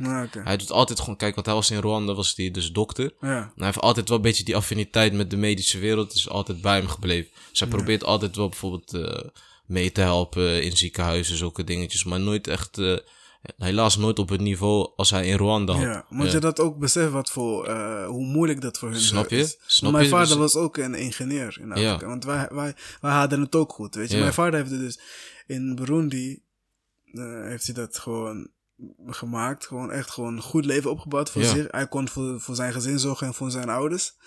En in Rwanda heeft hij opnieuw moeten beginnen. Ja, man. En Ja. heeft hetzelfde gedaan, snap je? En nog meer. en daarna komt hij voor de derde keer gaat hij weer naar Nederland. Dat is drie keer dat je Ja, dan- man. dan, dan zie je gewoon, dan zie je zo'n man op de bank zitten tv te kijken. Hè? Ja. Dan, denk, dan, als je even die hele plaatje bij hebt, dan kan je bijna niet beseffen dat, Snap je? dat wij dat. Maar dat, dat heeft ook wel iets met mij gedaan, man. Ja. Want uiteindelijk heeft dat gedaan voor jou, hè, zodat jij gewoon je? hier rustig kan zitten, naar school kan gaan. Ja, en ook bijvoorbeeld, eh, onze ouders hebben in Afrika gewoon diploma's op diploma's Ja, gehaald. ja. En dan komen ze hier en zeggen, ga maar niveau 3 doen. Ja, ja, ja. En Ga ik denk- leren. Onbewust, ja, onbewust bij mij toen ik klein was, dat heeft mij altijd wel eh, ja, geraakt, man. Ja. Soort dat heeft ja, bijna tot aan woede dat ik dacht van, hoe kunnen ze zo met mensen omgaan? Ja. En dat heeft, is voor mij dan uiteindelijk wel een drijfveer geweest om juist serieus te zijn met school. ja. Gewoon, we, moeten- we hebben onze ouders echt veel, eh, We hebben veel te danken aan ja, snap je? Het is gewoon is morele verplichting. Zij hebben heel veel eh, eh, dingen niet alleen achtergelaten, maar gewoon opnieuw moeten doen. Precies. Zodat jij. Ja, man. en dan inderdaad, dan heb je soms mensen die dan hier komen en dat vergeten. Ja, Meestal, je kan het niet voor eeuwig vergeten. Er komt altijd een leeftijd waar je even gaat zitten en nadenken. Dat je gaat beseffen van shit. ja, man. Ja, ja, ja. Ja. Maar goed, het is wel, het is wel een, eh, een ding. Ik probeer nu. eh, het is heel moeilijk, maar ik probeer nu even die relatie met mijn ouders op te bouwen. Weet je, dat je gewoon ook op een vriendschappelijke manier met ze kan praten. Het is je. lastig, hè? Kijk, moeilijk, met, mijn moeder moet ik zeggen, zij is gewoon mijn vriend, mijn beste Ja, vriendin. ja. Jouw moeder is heel modern. Ik kan je alles met haar bespreken. Ja. Alles, letterlijk alles. Mijn vader is toch wel wat meer conservatief. Ja. Is ook gewoon, soms komt hij ook gewoon uit de rare hoek dat hij opeens een grappig verhaal vertelt uit vroeger. hij van ja, toen ik klein was op jouw leeftijd heb ik dit en dit gedaan. Dat heeft hij wel weer, snap je? Ja, Is ook gewoon een hele spontane man, niet daarvan.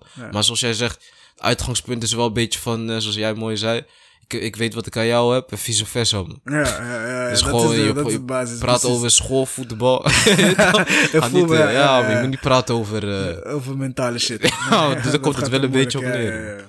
Ik, wa- ik zou ook bijvoorbeeld een van de dingen waar ik heel erg nieuwsgierig naar ben, die ga ik denk ik ook binnenkort vragen. Ik wil weten hoe mijn ouders elkaar hebben ontmoet. Ja, heb ik, geen ik, heb gevraagd, hè? Ja? Ja, man. En, het is ook echt het meest Rwandese antwoord wat ik ooit heb gekregen.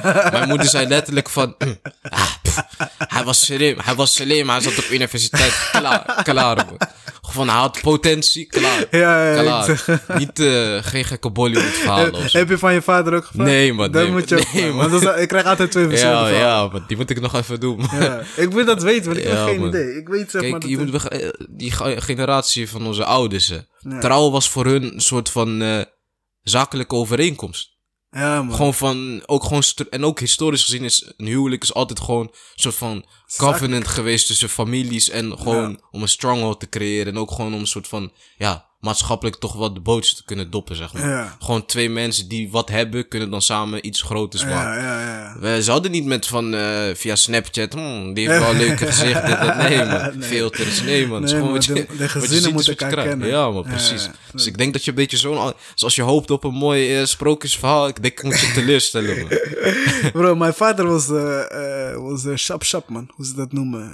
Hij was Als de mooie boy. Ja. Hij, was, hij was de voetballer ja, van het dorp. oké. eh, Mijn vader heeft ook rugby gedaan. Rugby in Rugby, Rwanda? ja, man. Vraag me niet hoe, vraag me niet hoe. Of het is een broodje aap verhaal, maar. ja, is zoals die verhalen. Ja, Ja, maar je kent die verhalen Ja. van... eh, je komt met je rapport, hij zegt vroeger alleen Ja. maar tinnen. Ik had alleen maar tinnen. Zo, waar is de rapport dan, papa? Ja, ah, jij weet niks, Je weet- Jij weet niks. je weet- Ja, nee, maar het is mooi. Het is wel echt mooi. Er zijn dingen die... eh, eh, dat je later ook aan je kinderen kan Precies, vertellen, weet dat je? is echt. Je, ik, je heb opa. zo, ik heb zoveel grappige verhalen met mijn vader. Ja. Van dat hij ging afdingen in de foodlocker bijvoorbeeld. ik was een keertje met hem in. eh, ja, ik ging een keertje. Zulke dingen. Dus ik ging een keertje met hem naar eh, Brussel. Ja. Mijn familie toe. En hij had honger. Dus we wouden een snackbox halen. Zo'n wokbox-achtig. Ja. En het kostte geloof ik 7,50 iets in die richting. En hij had 2 euro in zijn zak. Hij legt die 2 euro gewoon zo op de toonbank. Hij kijkt die vrouw aan van, kijk, wat is wat? Dit heb ik, ga ik het krijgen of niet? Gewoon die, echt die, zo'n chagara. Zo'n Ja, het is even... hasseler, je, hasseler. je pakt het of ja, weg. dus die vrouw kijkt, kijkt hem aan zegt van zo'n, eh, non, c'est pas is niet genoeg. Ja. Maar van, oui, c'est assez. Ja, dat is genoeg. Dus die eh, vrouw zegt van, non, c'est- c'est 7,50 euro, 7,50 euro. Ja. Mais non, non, non, c'est trop cher. Allez, recatugende, kom, we gaan, we, we gaan. We hebben niks En hij loopt weg in de hij hoop van nee, dat maar dit, terugroept. dit is... ja, precies. Dus hij keek zo om zich heen. Maar hij zag in die uithoek die vrouw eh doorgewinterde. Ja, dit- die bleef gewoon voet bij stuk houden. Ja. Eindstand kwam mijn vader terug. Ah, Kom maar ook. Hij is even uh, een grapje, is een grapje. Uiteindelijk heeft hij het gekocht, heeft hij wel genoten ervan. Maar dat zijn gewoon van die leuke verhalen. Ja, man, oh, ik ga, ga, ik nooit, ga ik het nooit vergeten. Dat is het ding, ik denk, ik, ik, ik, ik, zou me niet verbazen als mijn vader hetzelfde heeft gedaan. Ja, maar dat is gewoon universeel, bro. Ja, mijn vader is, ze zijn, dat is ook één ding, hè, uh, met, uh, omdat zij dus, onze ouders dus uh, van, van heel ver komen. Ja zijn ze heel moeilijk met geld uitgeven. Klopt, man. klopt. Ga maar tegen je vader zeggen dat je een schoen van 300 euro hey, ik durf het niet eens te zeggen, man. bestaat niet, man. Ik durf het niet eens te zeggen. Ik ga die schoen verstoppen. Uitverkopen. uitverkopen. Uit, als ik tegen mijn vader zeg, die... Nee, dat bestaat niet, man. Je gaat, ook, al, ook al is het jouw geld, hè. Jij hebt ervoor gewerkt, maar... Maakt niet uit, maakt niet uit, maakt niet uit. Nee, nee, nee, nee. Dat, ga je, dat ga je niet verkopen. Mijn vader gaat liever met één broek door het leven... Snap je? Dan dat die... Uh, uh, tienhonderd broeken Snap gaat kopen. Dat, dat bestaat niet voor hun. voor, voor mij ook. Het was ook toen ik ook net in Nederland... Kijk, toen, wij, toen ik in Afrika was, ja. hadden we het goed. Mijn moeder, pardon, mijn moeder werkte, mijn vader werkte en um, ik kon krijgen alles wat ik nodig had, kon ik krijgen, weet je. Alhamdulillah. Maar uh, het was nooit dat je hey, kom nu PlayStation, ik wil de PlayStation ja. hebben. Je moest echt, uh, je moet je hele goed verhaal komen ja, om kijk, dat te krijgen. En hier is het niet veranderd. Ja, ze hebben niet. Nee, ja. niet veranderd. Ja, dus je krijgt wat je nodig hebt. Heb je één schoen nodig? Weer een nieuwe schoen, die, die schoen is nog goed. Ja. Ja, maar voor de winter. Nee, nee, kijk, deze is winter, zomer, herfst, alles. Precies, we gaan maar onderweg. Ik wil, Mac, ik wil McDonald's. Nee, we hebben rijst thuis. Dus we hebben Moet ja, dat, zijn mooi, dat zijn wel mooie dingen Ja, aan de andere kant. Het mocht wel wat losser af en toe. Ja, daar ik, zeg eerlijk, vergeleken met mijn broers en zus, Ja. ben ik wel eh, verwend geweest, man. Ja, omdat Jawel, zij wisten de Ja, ze strijd die zij hebben- moeten voeren. Zij hebben. Nee, maar los van dat. Mijn ouders hebben gewoon spijker op mijn ouders, op mijn eh, oudere broers en zus. Dat ze op een gegeven moment bij mij dachten van, nou, Ja, dat bedoel ik. Dus losser. zij- ja, zij hebben geleden Ja, precies dat. En ook met eh, fysieke ja, dingen. Ik, ze hebben voor mij geïncasseerd. Of, ze hebben voor mij. Jij hebt nooit de klap Hè? gekregen, dus. Jawel, maar niet eh, op het niveau van mijn broers en eh, Zus. zussen, man. Nee, man. Ja. Maar die zijn... Die zijn uh, Zijn ze allemaal in Rwanda geboren? Ja, Ja. bro. Daar eh, krijg je klappen op school, thuis, en op straat. En de buurman, ja. En de buurman. Nee, de klap heb ik weggekregen helaas, man. Oh. En uiteindelijk eh, was het ook waarschijnlijk eh, nodig. Hoe kijk je daar tegenaan dan? Zou je je kinderen slaan? Ik zou mijn kinderen wel tikjes geven, Ja? man. Ja, man. Niet zoals ik ben geslagen, echt met stokken en shit. Ja. Maar eh, ik zou wel eh, even aanraken, man. Ik ben zelf wel van eerst gewoon proberen te praten. Want ik denk dat alleen slaan werkt niet. Nee, al helemaal niet, als, niet alleen als je, al helemaal als je niet uitlegt waarom je je kind Ja, slaat. ja, ja. Dat is al, dat werkt averechts. Ja. Maar ik ben ook niet van die pedagogisch verantwoorden van... eh, ga maar opschrijven op een blaadje kamer. wat je fout hebt gedaan. En als je morgen dat weer... zo die, nee. Ga naar je kamer. In Nee, kamer man. zit een Playstation, zit Ja, een eh, tv. Nee, man, dat ben ik ook geen... Je moet een beetje Ja. middenweg proberen te Ja, vinden, precies. denk ik. Je moet echt eh, inderdaad even tussen komen te zitten. Ja, ik, zou, ik zou mijn kinderen ook niet... eh, ik denk het ook niet dat ik kinderen in me heb om mijn kinderen echt uh, Ik zie mezelf... straffen te geven. Snap je? Als ik zelf een dochtertje bijvoorbeeld heb... Ja. Ik- ik zie mezelf niet mijn dochter slaan of zo. Ja. Ik ga niet liegen, mijn zoon misschien eerder. maar maar mijn do- ik zie mezelf mijn dochter niet slaan. man. Jouw precisie, hoe kan je... Ja. Nee, man. Ja, ja, nee, maar je hebt echt... eh, kijk, als je kinderen echt zo'n disrespectvol gaat worden... Kijk, gaan maar worden, dan, dan heb je ook een beetje iets fout gedaan. Ja, dan heb je het ook inderdaad vanaf kle- een beetje, even Snap een je? beetje weggekeken. Want als, je gaat kijken, als ik ga kijken naar waarom eh, de meeste Afrikaanse kinderen worden geslagen... is niet omdat ze zeggen, ja, hou je bek, papa, of zo. Nee, nee. Zijn andere, het, zijn, het kan dan zijn omdat hij iets heeft laten vallen, Ja, ja, omdat ja. hij iets op school... Maar zijn no het heeft bijna nooit met disrespect te Ja, maken. ja, precies. En dat is dus dat is precies die balans die je moet vinden. Ja. Het is hier je in ieder geval, soms werd je geslagen echt om de meeste bullshit dingen, weet je. Je moest naar bed en je ging niet. eh, Ja, maar je, dat is niet, dat is onnodig.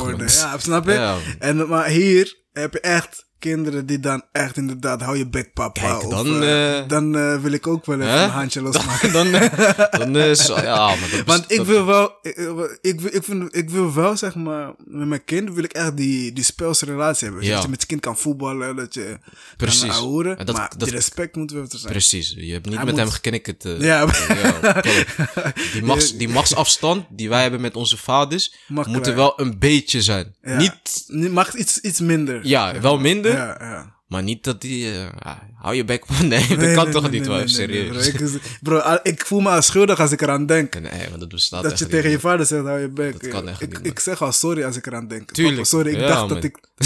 ja, maar nee, man. Ik denk, ik denk ook niet dat er een Afrikaans kind bestaat die dat heeft overleefd, man. Bro, ik weet, ik zei nog, toen ik net in Nederland kwam, eh, je hoort toch hier, oh, je, je mag kinderen mag niet aan zitten, Ja. ze kunnen politie bellen, kinderbescherming. Ik zei voor de grap een keer tegen mijn moeder, joh, ah, je weet, het is klaar nu, hè, me aanraakt. ja. mijn moeder zei, politie, hier, nummer, Ga maar, ja, precies. Voordat ze hier Ja. zijn, ben jij dood. Wee. Nee, joh, ja, bij mij soort gelijk. Als, als je die gooit van, eh, ik ga kindertelefoon mee. Bel maar, bel maar. Bel maar. Kijk maar of ze voor jou gaan zorgen.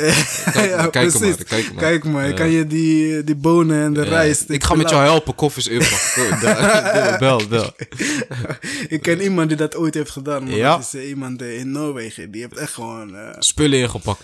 Nee, die heeft gewoon politie gebeld. Oh, nee ja, joh. Ja, ja, Zo. Is echt- Voor de moeder. De moeder is ook meegenomen, Ja? alles. Ja, ja. Maar ze En had dat- heel snel spijt. En uiteindelijk is die wel nog binnen huis. eh, Ja, ja, ja. Die politie dacht, eh, ze heeft gewoon, die moeder heeft gewoon uitgelegd. En uiteindelijk wordt het overdreven. Ze gaan echt, als je een kind een keer slaat, gaan ze echt niet gelijk Nee, nee, nee. eh, nee, betere dingen te doen. Het gaat ook structurele mishandeling. Ja, tuurlijk. En dan vind ik het ook terecht, man. Ja, dan is het zeker terecht. Ja, man. Maar hier wordt het ook echt een beetje stof gedaan. Het, het, is, ik, het doet me denken aan een verhaal toen mijn zusje is hier in Nederland opgegroeid. is. Ze kwam hier, ze was één of zo, of twee. En toen, eh, ze zat op basisschool. En op basisschool moet jij, ehm, soms moet je schrijven wat wil je worden later Ja, als, je, als je oud bent. En mijn zusje, of wat wil je doen? Mijn zusje schreef op, ik wil... Later, als ik groot ben, wil ik niet meer hoeven schoonmaken. ja. En die mensen pakken dat meteen als de grootste mishandeling Ja, ooit. Kinderarbeid in huis, alles. kindslaaf. Ja, Snap je, broer? die. Maar eindstand, mijn vader werd boos. Dat is de eerste keer dat ik mijn vader echt boos werd zien worden op mijn leraar. Van, jullie werk is daar, mijn werk is thuis. Ja. Ze gaan mij niet vertellen hoe ik mijn kind moet opvoeden. Ja, man. En het verhaal daarachter was, iedereen heeft een taak, weet je. Je bent Ja. thuis, jullie wonen met z'n allen, iedereen heeft een taak. Je, je- eentje gaat eh, stofzuigen, ander gaat eh, de tv's en zo, stofdoekjes eroverheen. Hm. En er gaat koken, en er gaat dweilen. Snap je? Iedereen heeft zijn taak, omdat jullie, jullie wonen met z'n vullen. En de jongste zusje, die, oh, ik zie mijn broertje dit doen, ik wil ook. Snap je? Ik wil ook iets doen. Dan zeggen we, oh, weet je wat, pak het doekje, ga maar hier en hier overheen. Op een gegeven moment wordt het een routine en dan Precies. wordt het vanaf verwacht. Ja, ja, ja. Snap je? ja, ja, ja. En op een gegeven moment vinden ze dat niet meer leuk. Ja, ze zichzelf in de vingers ja, maar je moet het blijven doen. Het is niet dat je de hele huis moet schoonmaken. Je moet echt met een doekje moet je over een paar dingen heen. Ja, En dat vond die leraar raar. Mishandeling. Mishandeling zelfs. Ja, ze van ja, kinderarbeid. en Oh, eh, man, maar dat is echt moet gewoon... kind zijn. Is gewoon een gebrek aan begrip van een bepaalde cultuur. Ja, ze snappen het. Ze ja. verwachten gewoon eh, een kind. eh, eh, eh, als, je- kind bent, dan moet je gewoon zitten en eh, Ja, alles wordt voor je gedaan. Nee. Nee, man. Bij ons, zodra je kan werken, dan wordt het gewoon gezet. En dat is goed. Het, wo- het- je groeit met een bepaalde waarde. Ik vond ben, ook ben ik het mee eens. Ik, vond, ik, had, ik vind het ook bijvoorbeeld, ja, kijk, ik weet ook niet later hoe ik ermee omgaat als ik kinderen heb met zakgeld en zo bijvoorbeeld. Ja. Ik heb dat nooit gekregen. Ik heb wel een beetje gekregen, man. Ja, ik niet. Helemaal niks. Nee, man. Ik, eh, als ik eh, tot mijn vijftiende, totdat ik zelf kon werken, toen Ja. kon ik zelf mijn eigen dingen kopen. Maar ik vind dat wel... eh, Dan ga op dat moment denk je van... shit, iedereen krijgt een zakgeld, ik niet. Maar uiteindelijk heeft dat jou denk ik ook wel gevoeld. Je het heeft maar op zeker jonge gevormd. leeftijd ben je zelf geld gaan verdienen. Ja, ik wist precies wat de waarde van geld is. En Ja. ik ga niet in bullshit eh Precies, verkopen. ja man. Maar hoe, aan de andere kant, hoe ik er nu over denk, het is wel handig als je inderdaad iemand vanaf jongens af leert omgaan met geld. Dat je de relatie met geld even goed... Ja, maar dan moet je ook wel goed, beetje... Niet alleen geven, maar ook begeleiden. Juist, juist, Ja. niet alleen geven. Ja. Anders gaat eh, elke man alleen naar snoepen. ja. ja, dus dat vind ik wel, dat ga ik wel doen. ja, man. Maar bij mij is het geweest van, eh yo, wat heb je nodig? Ja, oké, waarom? Is het echt nodig? Oké, dan ga ik het kopen. Ja. Nou, anders, eh, luxe dingen, nee man, moet ik Ja, zelf voor gaan strijden. Ja, bro, het- als ik, als ik ga kijken naar mijn neefjes en nichtjes nu, ze hebben vijf consoles, de gekste dingen. Ja. Dat is wel, en nu gaat het wel heel erg. eh, Terwijl die eigenlijk niet eens werken, weet je. Op een Huh? gegeven moment, op een gegeven moment eh, hebben mensen dat soort dingen en ze werken niet eens. Van Ja. de ouders gekregen. ja, daarom, daarom, dat bedoel ik te zeggen. Ja. Dat- Dat is ook niet de juiste Ja. weg, denk ik. En als je het ze dan geeft, zouden, moeten ze wel een beetje ervoor strijden. Ja. Anders gaan ze verwachten dat het normaal is, hè. Dan, eh, Ja, als je klopt. niet geeft, worden ze boos. Dan Klopt, ik, Hallo. klopt. Ik, uh, nieuwe PlayStation 5 is uit. Uh. Ja. Maar wacht je op. ja. ja, ze gaan dan vast naar die site. Tik, tik, tik, ja. Pre-order. Ja. Ja, man. Maar goed. Um, ik had da, dat, dat, als laatste, daar heb ik wel echt geluk mee gehad dat ik de jongste ben. Bijvoorbeeld mijn broer. Mijn broer was jou dan, zeg maar. Ja. Hij heeft dat, hij heeft het gevraagd. Ja. En dat bleek te vergeefs. Hij kreeg niks. Dus hij ging werken en dan kocht hij het zelf. En ik kon daar dan van profiteren. Ja, snap je? Ja, Bijvoorbeeld, ik had de Xbox bijvoorbeeld. Had een PSP gekocht. Dus ik profiteerde daar zo ja, van. Ja, hoefde, je had dat niet nodig. Nee, je ging man. gewoon stiekem de kamer van je broer. Ja, gewoon vragen. Ik ging altijd kloppen. Mag ik op de PSP? 9 van de 10 keer kreeg ik een nee. Maar soms, soms uh, gunde hij Ben jij ook, uh, ook... Maar je hebt ook geen uh, klapjes gekregen van je broer of zussen? Nee, man. Nee, ik hoor heel veel uh, boys hebben ook pak slaag gekregen van hun uh, broer. Ja, ik moet zeggen. Maar ik, heb, ik heb dat niet gekregen. Maar mijn zus was gewoon een beetje vechten om de afstandsbediening, zulke kleinigheidjes.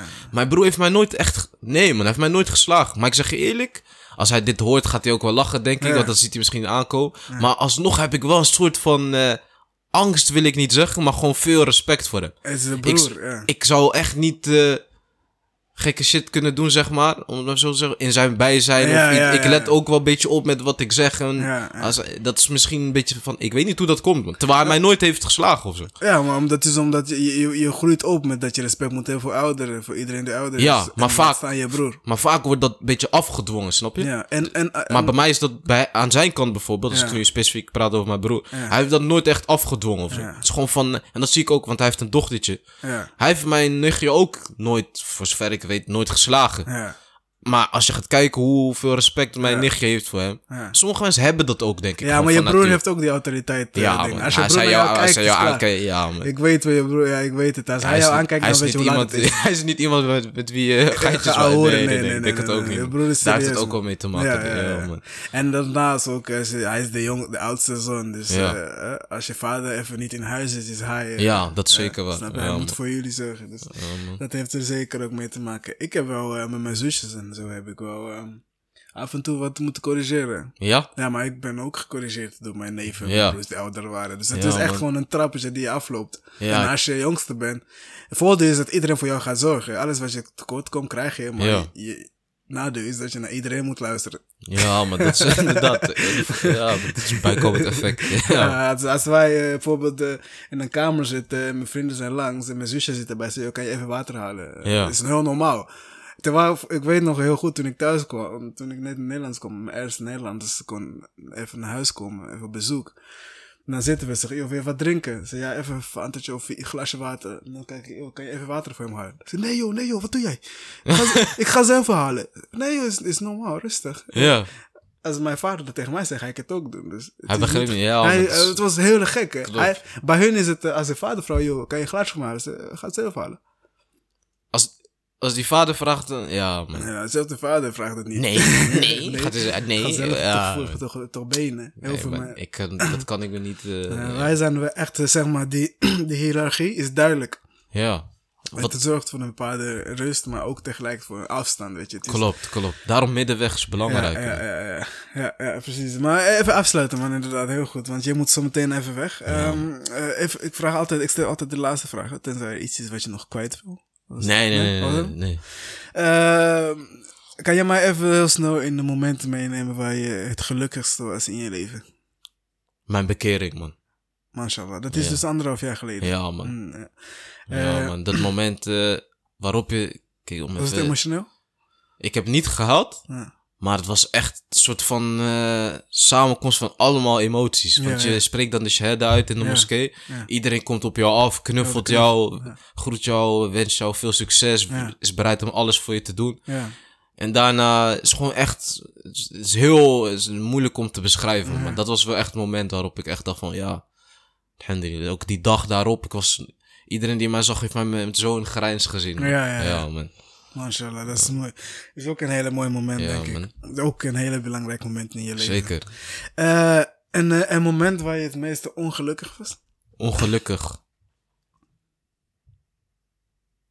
Ongelukkig als, ja, dat is een beetje een lastige vraag. Of dat je gewoon even niet lekker in je vel zat, dat je even dingen niet meer even, hè? dat je gewoon dacht van, oké, nu gaat het gewoon even niet. Kijk, dan denk ik sowieso wel het verlies van mijn broer. Ja, Ehm, vooral toen dat echt, echt nog vers vers was. ja. Heel begrijp- begrijpelijk. Ja, dat was wel een moment waarop ik echt dacht van, man, kijk, maar dan, zelfs dat is ook weer een moment geweest waarop ik, heb zoveel geleerd in die tijd. Ja, ja. Hoe mensen kunnen zijn, zogenaamde vrienden die daarna verdwijnen, nooit meer, Ja, eh, snap je? Of gewoon, dat heeft mij ook weer gevormd van, dus zelfs, het klinkt misschien heel raar voor mensen die niet geloven, maar zelfs ten opzichte van die situatie zeg ik, alhamdulillah. Ja. Want als ik dat niet had meegemaakt, misschien, want dat is ook uiteindelijk misschien het duwtje in de rug geweest voor mij waarom ik ben gaan bekeren, Ja, dat was ervoor, Eh, waarom ik nog beter mijn best ging doen op school, Ja, mijn moeder meer proberen te helpen, zulke dingen, dat heeft mij ook wel gevormd, snap je? ja, Dus dat is wel, natuurlijk, ik ga niet ontkennen, dat is een hele lastige tijd geweest. ja. Maar zelfs daarin zijn zoveel leerstellingen uit te halen, man. Het maakt, het maakt jou wie je bent. Dus Snap je? tuurlijk, Ja. Ja, sorry. Het is alleen maar goed dat je daar eh, eh, dankbaar voor bent en dat je dat gewoon beseft. Ehm, maar oké, dat is dus het moment van verlies van je broer. Dus dat, dat is dus een één. Ja. En Kijk, het ik denk, moment weet je, je, zei van eh momenten waarop je niet zo lekker in je vel zat. Ja. Ik denk dat we dat allemaal gewoon vaak hebben. Of tenminste, vaak. Je hebt altijd wel momenten Ja, waarop tuurlijk, het iets tuurlijk. minder, toch? Ja, ja, nee, dat is gewoon een realiteit. Niemand is eh, altijd... Nee, het is niet- Ja, maar echt, dat was wel een moment waarop ik echt, echt eh, gewoon even, ja, dacht van, oh shit, ja. En het is ook niet erg, hè, zeg maar. Ja. Het is ook een ding. hè. We, we hebben altijd de neiging om te zeggen: het gaat niet goed, maar het komt weer goed. Of eh, dat je de les erachteraan wil plakken. Maar Ja, het is niet erg als het leven even een keer niet gaat zoals klopt, je. hè. klopt. Want Allah heeft, weet, hè, Allah heeft een grotere plan. Hè. En als je er even in zit, neem dat ook even in. En besef dat het ook een proces is. precies. Dat is belangrijk. leven. Ja. Precies. Maar goed, dat is dus eh, het moment van eh, eh, verlies van je broer is een 1 en het moment van bekering is een 10. Waar zit jij nu ongeveer op dit moment? Tussen je geluk zijn. Ehm, Hoe gelukkig ben jij nu? 8,5, 9. Ach, Alhamdulillah. Mashallah. Dat is dus eh, best wel hoog. eh, Ja, alhamdulillah. Dat is boven Ja. gemiddeld. Alhamdulillah. ja, Ja, zeker, Wat, eh, denk je dat er iets is wat het kleine zetje kan geven? Verdenken. Ik wil, het klinkt echt heel random. Ja. Het is geen oproep of zo dit. Maar ik zou willen trouwen, man. Mashallah. Jawel, inshallah, jawel, man. Je bent nog 20. Jawel, ik zou ja, nog even geduld familie, hebben. Familie start. Sowieso mijn diploma halen is op korte termijn. Ja. Eh, mijn ouders trots maken, dat is daaraan verbonden. Maar ik ben wel iemand, eh, niet gek kijken als ik eh, op mijn 22ste binnen als, ik- als ik jou uitnog van Ibrahim. Eh, Ga trouwen. Ja, ik man. Heb je al een beetje in de vizier, een beetje... Ah, Ah, oké, ik weet genoeg. Nee, nee, nee, nee. nee, nee. Je moet Nee, straks nee. wat uitleggen. maar oké man, ik hoop, ik hoop dat het lukt man. En ja, Inshallah. bro, eh, geduld hebben. En ik denk elke meisje die jou eh, zoveel kan krijgen, eh, die heeft geluk. Die heeft... eh fik. eh, mogen.